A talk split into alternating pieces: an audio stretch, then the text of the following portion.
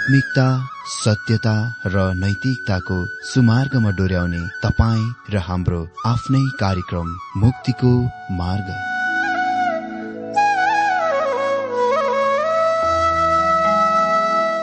आदरणीय श्रोता यस मुक्तिको मार्ग कार्यक्रममा हार्दिक स्वागत छ।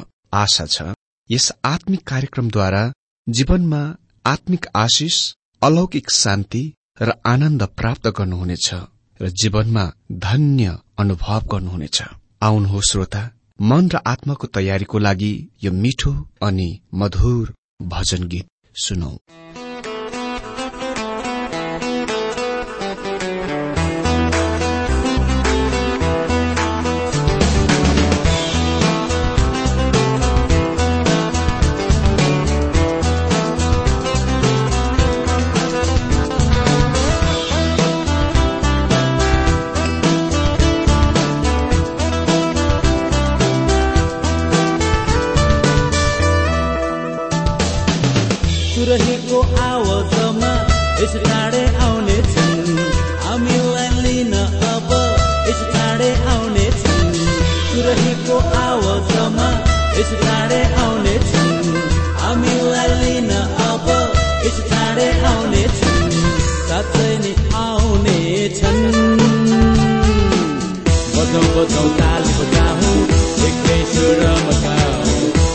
बजाउँ बजाउँ ताली बजाउँ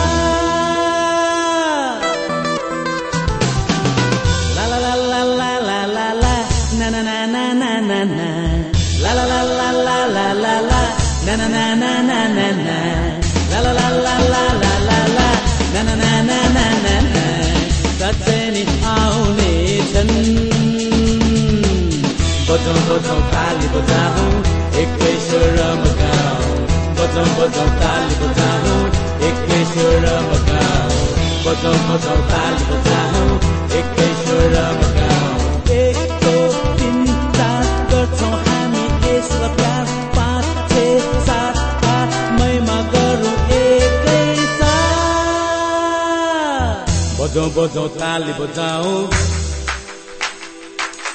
एकै सुरमा गाउँ। बजाउँ बजाउँ गिटार बजाउँ। एकै सुरमा गाउँ। बजाउँ बजाउँ ड्रम सेट बजाउँ। एकै सुरमा गाउँ। बजाउँ बाजा बजाउँ एकै सुरमा गाउँ बजाउँ एकै सुरमा गाउँ बजाउँ बजाउँ बाजा बजाउँ एकै गाउँ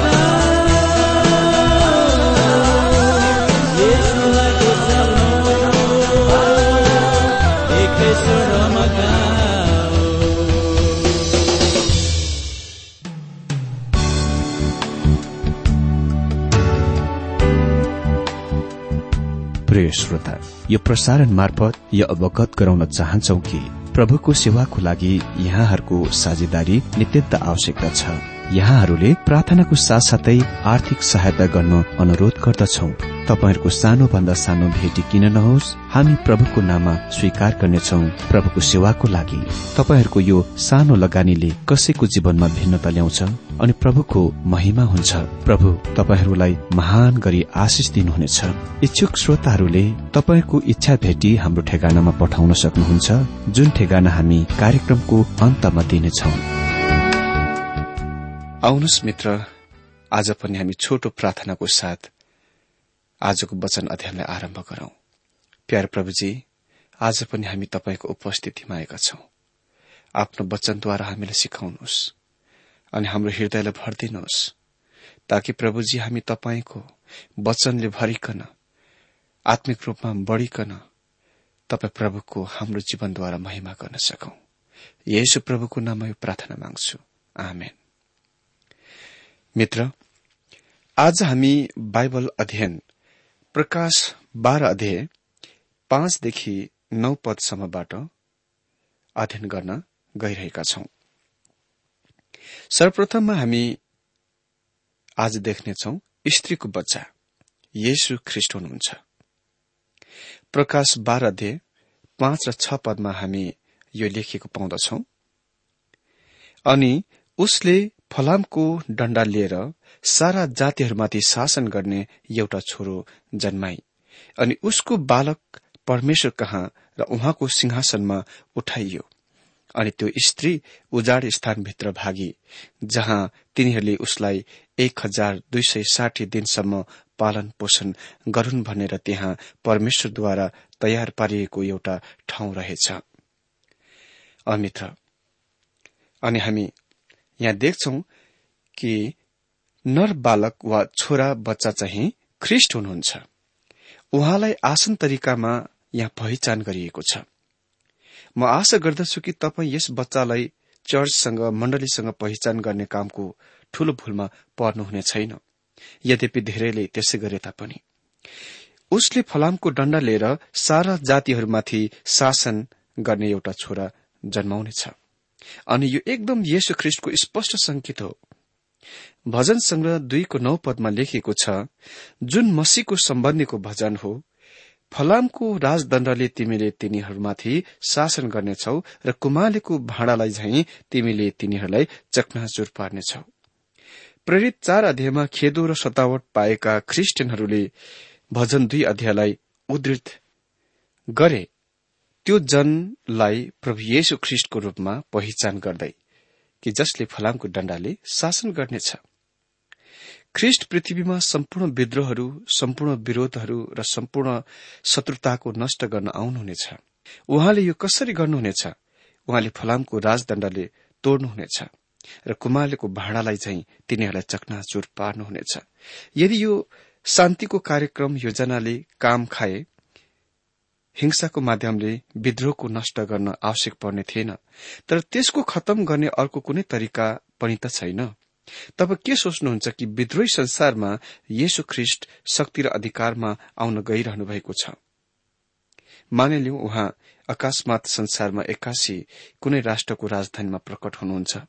के तपाईँ सोच्नुहुन्छ कि तिनीहरू उहाँका समर्पण गर्न र आफ्नो अधिकारको उहाँलाई दिन तयारी हुन्छन्? के अमेरिकाले त्यसको अधिकार येशुलाई दिन तयार हुन्छ? के रूस वा कुनै राष्ट्रले त्यो गर्न तयार हुन्छ? इच्छुक हुन्छ? मलाई त्यस्तो लाग्दैन। संसार उहाँको विरूद्ध विद्रोहमा छ। कोही पनि रक्तपात हिंसाको मन पराउँदैन। तर त्यसो त यो मात्र एउटा तरिका उपाय हो कि विद्रोहको दमन गर्न र खत्तम गर्न सम्भव छ। प्रभु येशु ख्रिष्ट शासन गर्न गइरहनु भएको छ।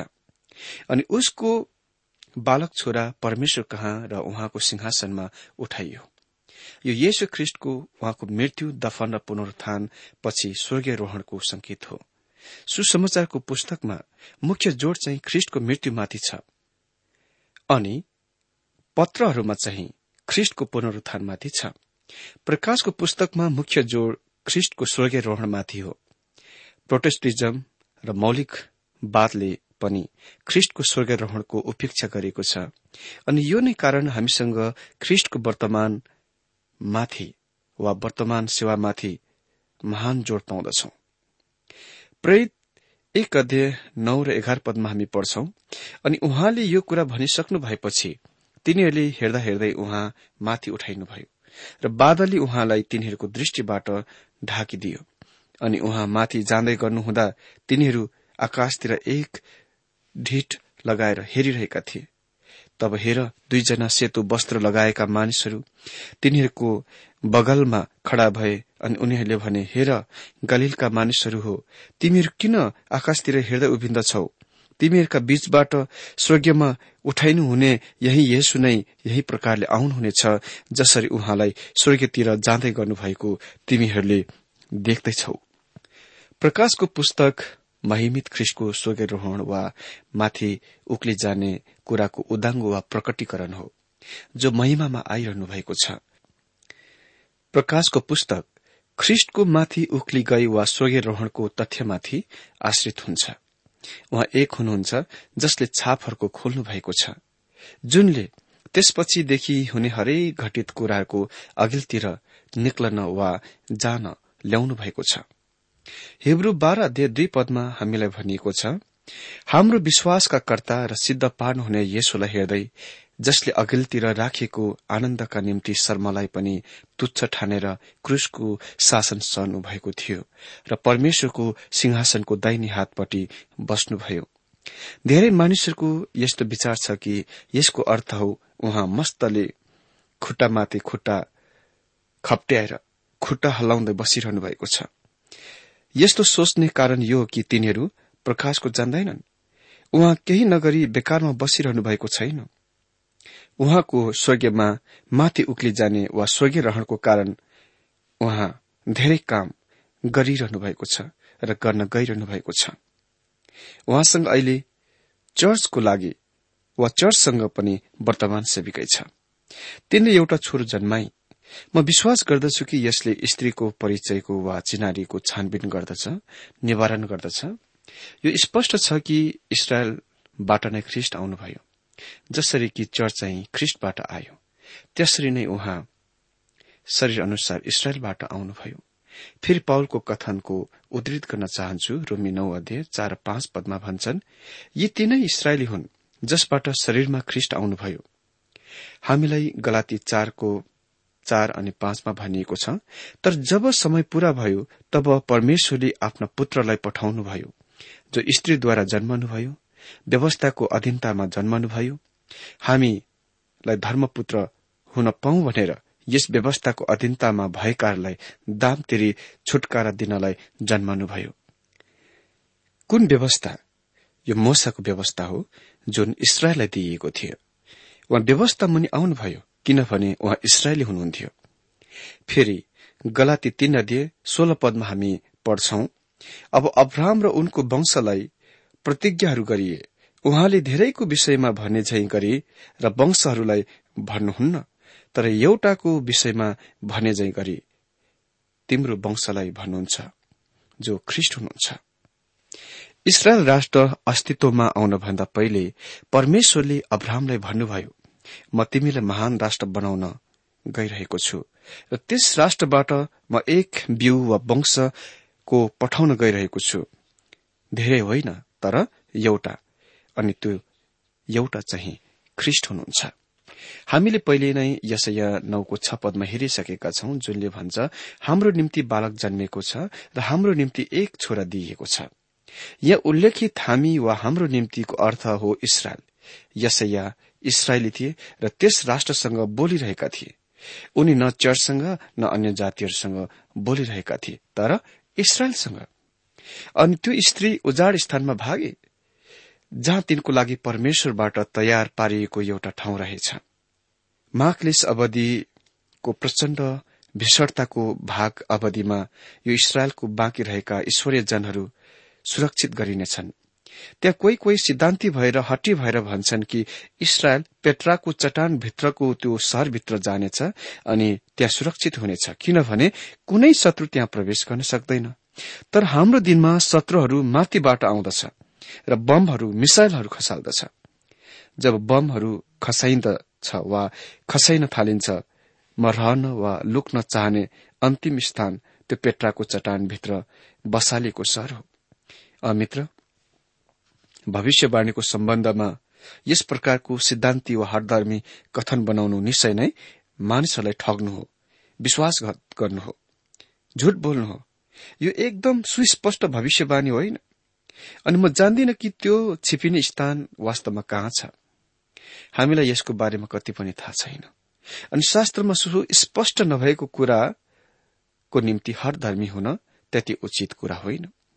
जुन कुरा प्रकट भएको छैन त्यसको बारेमा हर धर्मी वा सिद्धान्ति बन्न निराशको कुरा हो। यदि तपाईँ अनुमानिक शास्त्रको बारेमा त्यस्तो कथन बनाउनुहुन्छ जस्तो यो मेरो विचारमा हो वा मलाई लाग्छ वा म सोच्दछु भने म कुनै विरोध जनाउने छैन तर अस्पष्टताको लागि ठोकेर भन्ने कुरा चाहिँ अनुचित हो। त्यसपछि हामी देख्नेछौ प्रधान स्वर्गीय दूत मिकायल अजिङ्गर सत्ता वा त्यससँग युद्ध गर्दछ। बाह्र अध्यय सातदेखि नौ पदमा यस प्रकार लेखेको छ अनि स्वर्गीयमा लड़ाई भयो। मिकायल र उनका दूतहरूले अजिङ्गरको विरोधमा लड़ाई गरे।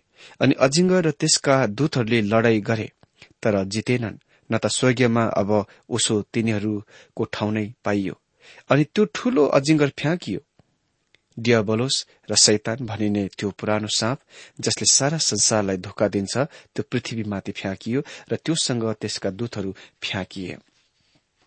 यहाँ हामीसँग छक्कै पार्ने झस्काउने कथन छ। अनि स्वर्गीयमा लडाई भयो। संयुक्त राष्ट्र संघले यस युद्धको बारेमा केही पनि गर्न सक्ने छैन। अर्थ के जबदेखि तिनीहरू अस्तित्वमा आयो यस संसारमा भएका अन्य कुनै युद्धहरूको बारेमा त तिनीहरूले खास केही गर्न सकेनन् र सकेका छैनन्। यो कल्पना गर्न कठिन छ कि स्वर्गीयमा युद्ध छ तर शैतानसँग अझै स्वर्गीयमा जाने पुग्ने वा हुने अधिकार छ। अनि जबसम्म त्यसको यो अधिकार वा अनुमति हुन्छ त्यहाँ यो समस्या हुनेछ हामीलाई अयुबको पुस्तकमा भनिएको छ कि शैतान परमेश्वरको सामने आयो र स्वर्गीय दूतहरूसँग जति त्यहाँ जाने वा त्यहाँ हुने अधिकार थियो त्यति नै शैतानको पनि थियो। उसले परमेश्वर पछिको दोस्रो सर्वोच्च प्राणीको रूपमा सृष्टि गरिएको थियो। हामी जकरिया तीन अध्याय एक र दुई पदमा पढ्छौं तब उहाँले प्रधान पुजारी यहोसुलाई परमप्रभुको दूतको सामुने उभिरहेको र शैतान तिनको विरोध गर्नलाई तिनको दैनी हातेर उभिरहेको मलाई देखाउनुभयो। परमप्रभुले शैतानलाई भन्नुभयो ए शैतान परमप्रभुले तँलाई हकारुन् यरुसलेमलाई चुन्नुहुने परमप्रभुले तँलाई हकारुन् के यो मानिस आगोबाट निकालिएको अगुल्टो होइन र? शैतानसँग परमेश्वर कहाँ जाने पहुँच छ? र त्यो परमेश्वरसँग संचारको जारी राख्न बातचितको जारी राख्न योग्य छ? लुका बाइस अध्यय एकतीस पदले हामीलाई भन्दछ अनि प्रभुले भन्नुभयो हे सिमोन हे सिमोन हेर गहुँ जस्तै निफन्नलाई शैतानले तँलाई निल्न चाहेको छ। मलाई लाग्दैन कि शैतानले परमेश्वर कहाँ कुनै पत्र खबर वा टेलिग्राम पठायो न त्यसले उहाँलाई फोनै गरियो। त्यो परमेश्वरको उपस्थितिमा आउन योग्य थियो। त्यससँग परमेश्वर कहाँ आउने पहुँच थियो। आउन सक्थ्यो अनि उसले निवेदन गर्यो कि उसले यो मानिस सिमन पत्रुसलाई जाँच्न सकोस् परीक्षा गर्न सकोस्। अनि त्यसलाई त्यो अनुमति पनि दियो। मिकाइल प्रधान स्वर्गीय दूत हुन्। हामीलाई यो यहुदाको पुस्तकमा भनिएको छ वा बताइएको छ। यहुदा नौ पदमा हामी पढ्छौं। तर प्रधान स्वर्गीय दूत मिकाईले पनि जब तिनले शैतानसँग संघर्ष गर्दै मूसाको शरीरको विषयमा वाद विवाद गरे तब त्यसको विरोधमा निन्दापूर्व वा निन्दापूर्ण दोष लगाउन साहस गरेनन् तर भने प्रभुले तलाई हकारुन्। यो स्पष्ट छ कि त्यहाँ अरू प्रधान स्वर्गीय दूतहरू पनि छन् तर मिकायलको इसरायल राष्ट्रसँग खास विशेष सेविकै छ। दानियल दश अध्यय तेह्र पदले हामीलाई भन्छ तर फारस राज्यका राजकुमारले मलाई एक्काइस दिनसम्म विरोध गरे। तब प्रधान राजकुमारहरूमध्ये एकजना मिकायल मलाई मदत गर्न आए किनभने फारसको राजासँग म त्यहाँ वा त्यही नै रोकिए। मिखाइल एक प्रधान राजकुमारहरूमध्येका एक हुन्। यद्यपि त्यहाँ सम्भवत अरू प्रधान स्वर्गीय दूतहरू भए तापनि मिकायल र ग्राबियल मात्र ती स्वर्गीय दूतहरू हुन् जसको नाम शास्त्रमा उल्लेख छ वा दिइएको छ। फेरि दानियल दश अध्यय एक्काइस पदमा हामी पढ्छौं तर सत्यको पुस्तकमा के लेखिएको छ? पहिले म तिमीलाई बताउनेछु तिम्रा राजकुमार मिकायलले बाहेक अरू कसैले पनि तिनीहरूका विरूद्धमा लड्न मलाई मदत गर्दैनन्। तिम्रा राजकुमार मिकायल जबकि परमप्रभु दानियलसँग कुरा गरिरहनु भएकोले गर्दा यसले दानियलका मानिसको संकेत गर्दछ अर्थात इसरायल राष्ट्रको। यो दानियल बाह्र अध्याय एक पदमा एकदम स्पष्ट गरिएको छ। त्यस समयमा तिम्रा मानिसहरूलाई रक्षा गर्ने प्रधान राजकुमार मिकायल देखा पर्नेछ। यस्तो संकष्टको समय आउनेछ कि जातिहरू शुरू भएदेखि त्यस बेलासम्म त्यस्तो कहिले भएको छैन। मित्र तर त्यस बेला तिम्रा मानिसहरू जीवनको पुस्तकमा नाम लेखेका सबै बचाइने छन् भनेर लेखिएको छ। त्यस समयमा हामीलाई भनिएको छ कि त्यहाँ संकष्टको महाक्लेशको समय हुनेछ। मिकाइल फेरि अगाडि आएर शैतानलाई स्वर्गीयबाट फ्याँकिदिनेछ। किनभने उनी इसरायल राष्ट्रमाथि रखवली गर्ने पहरादारी गर्ने राजकुमार हुन्। यो महान कुरो हो र यो वर्णनदेखि बाहिरको कुरा हो। त्यहाँ भीषण युद्ध हुनेछ। शैतानले त्यति सजिलै हार मान्नेवाला छैन। तर मिकाइल र उसका स्वर्गीय दूतहरू विजय हुनेछन् र शैतान र त्यसका दूतहरूलाई स्वर्गीयबाट फ्याँकिनेछन्। प्रभु येशुले त्यसको लुका दश अध्यय अठार पदमा संकेत गर्नुभयो अनि उहाँले तिनीहरूलाई भन्नुभयो मैले शैतानलाई स्वर्गीयबाट बिजुली झैं खसिरहेको देखे।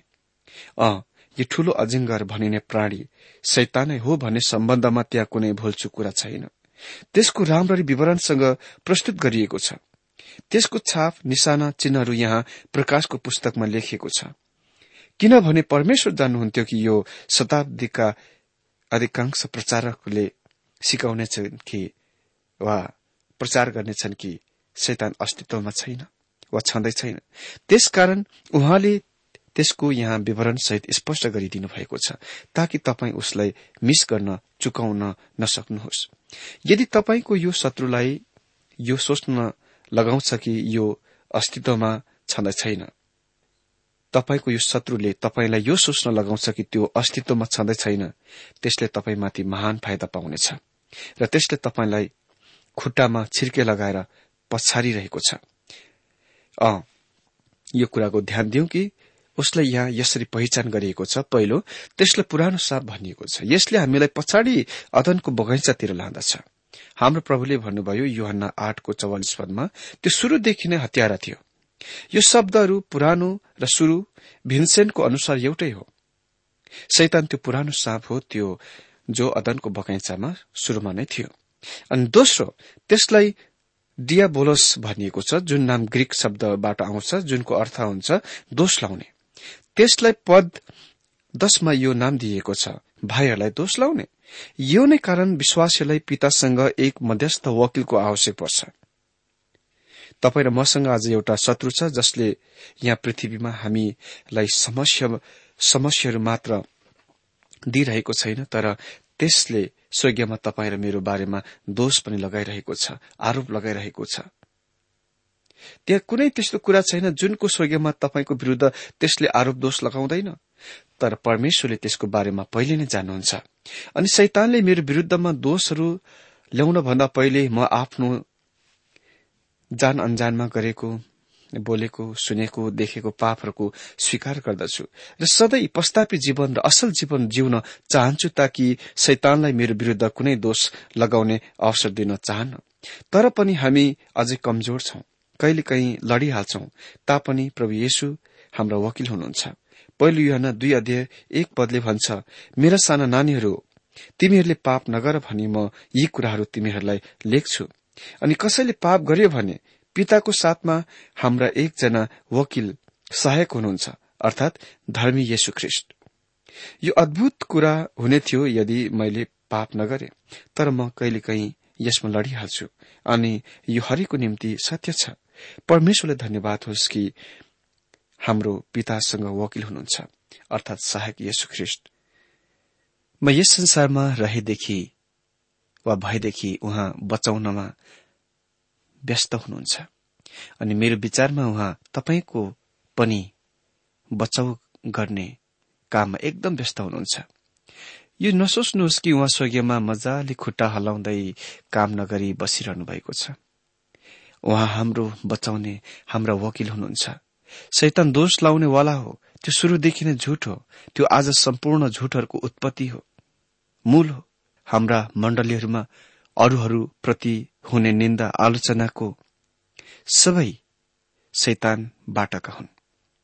अनि तेस्रो कुरा त्यसलाई शैतान भनिएको छ। जुनको अर्थ हो शत्रु। त्यो परमेश्वरको र परमेश्वरको हरेक सन्तानहरूको भयानक शत्रु हो। हामीलाई पहिलो पत्रुस पाँचको आठ पदमा भनिएको छ सचेत रहो जागर रहो किनकि तिमीहरूको विरोधी शत्रु शैतान गर्जने सिंह झै कसलाई निलो भनी खोज्दै चारैतिर घुमि हिँड्छ। मैले धेरै त्यस्ता मानिसहरूबाट पत्रहरू पाएको छु जो परमेश्वरका वचनको अध्ययनद्वारा झुठा शिक्षा कल्टहरूबाट छुटकारा पाएका छन् मुक्त गरिएका छन्। एकजना मानिसले लेखे म कल्टमा थिएँ। मैले तपाईँलाई जाँच गर्न फन्दामा पार्न फसाउन र तपाईँलाई मूर्ख बनाउन कोसिसमा लेखेथे मैले सोचे कि म सही थिएँ। तपाईँ गलत हुनुहुन्थ्यो। जब मैले परमेश्वरको वचन अध्ययन गर्न आरम्भ गरे म यो महसुसमा आए कि कसरी शैतानले मलाई फन्दामा पारिथ्यो शैतानले आज धेरै मानिसहरूलाई त्यसरी फन्दामा पारिएको छ। अरू त के चर्चका सदस्यहरूलाई पनि हामीले यो कुराको थाहा पाउनुपर्छ कि त्यो हाम्रो शत्रु हो। त हामीले यसको लागि के गर्नुपर्छ त? हाम्रो आँखा ख्रिस्टमाथि लगाइराख्नुपर्छ किनभने उहाँ हाम्रो छुटकाराको स्थान हुनुहुन्छ। र उहाँ माथि तपाईँलाई र मलाई सहायता गर्न हुनुहुन्छ। अनि चौथो कुरा हामी देख्छौ। अन्तिममा त्यसलाई भनिएको छ सारा संसारलाई धोका दिने। महाक्लेश अवधिमा शैतानले संसारमा रहने सम्पूर्ण मानिसहरूलाई धोका दिन योग्य हुनेछ त्यसले धोका दिनेछ। आज त्यसले खालि आंशिक रूपमा मात्र धोका दिन्छ। शैतानले परमेश्वरको र परमेश्वरको वचन सम्बन्धी धोका दिन्छ। त्यसले हब्बालाई परमेश्वरमा अभरोसा गर्न भरोसा नगर्ने लगायो।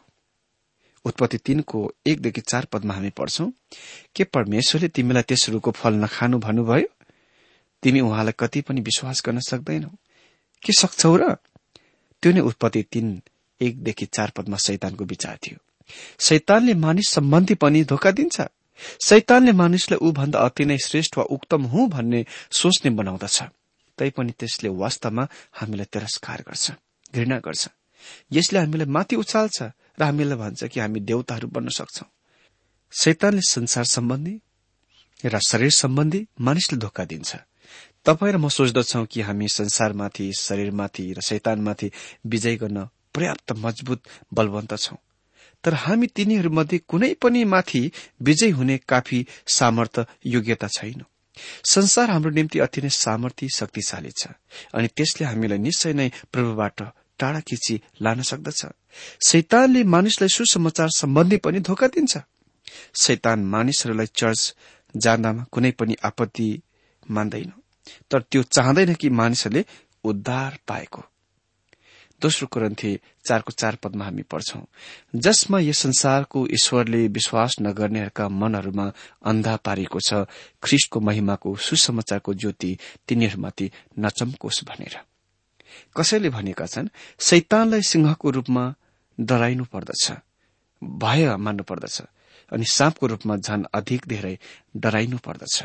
र स्वर्गीयदूतको रूपमा सबभन्दा धेरै डराइनु पर्दछ। त्यहाँ नै त्यसले मानिसहरूलाई फन्दामा पार्दछ। प्रभु आफ्नो वचन अध्ययनमा सबैलाई धेरै धेरै आशिष दियो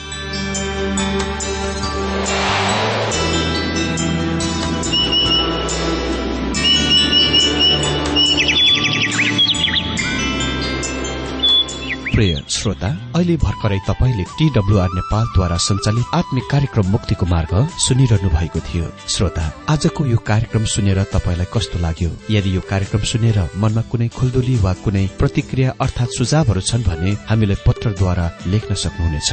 हामी हृदयदेखि नै स्वागत गर्नेछौ स्वीकार गर्नेछौ साथै बाइबल सम्बन्धित प्रचारहरू कार्यक्रम सारणीहरू हामी अनुरोधमा पठाउन सक्छौ। अनि तपाईँसँग कुनै प्रार्थनाको विषय छन् भने हामीले तपाईँको लागि प्रार्थना गरेको चाहनुहुन्छ। भने प्रभुमा आफ्नै परिवार सम्झेर हामीलाई पत्रमा लेख्न सक्नुहुनेछ। तपाईँको लागि हामी प्रभु येशुसँग प्रार्थना गर्नेछौ। अधिक जानकारी र पत्रचारको लागि हाम्रो ठेगाना यस प्रकार छ। कार्यक्रम मुक्तिको मार्ग जीपीओ नम्बर उनानब्बे पचहत्तर एपीसी पच्चिस एकसठी काठमाडौँ। ठेगाना एकपल्ट सुन्नुहोला कार्यक्रम मुक्तिको मार्ग जीपीओ नम्बर उनानब्बे पचहत्तर एपीसी पच्चिस एकसठी काठमाडौँ। हाम्रो इमेल एड्रेस हो TWR Nepal at Yahoo dot com साथै यस नम्बरमा एसएमएस गर्न सक्नुहुनेछ अन्ठानब्बे चार सत्तरी पैतिस छ सय उनासी नौ आठ चार सात जिरो तीन पाँच छ सात नौ। हुन्छ श्रोता आजलाई हामी विदा चाहन्छौ। अर्को कार्यक्रममा हामी पुनः भेट्नेछौ तबसम्मलाई नमस्कार।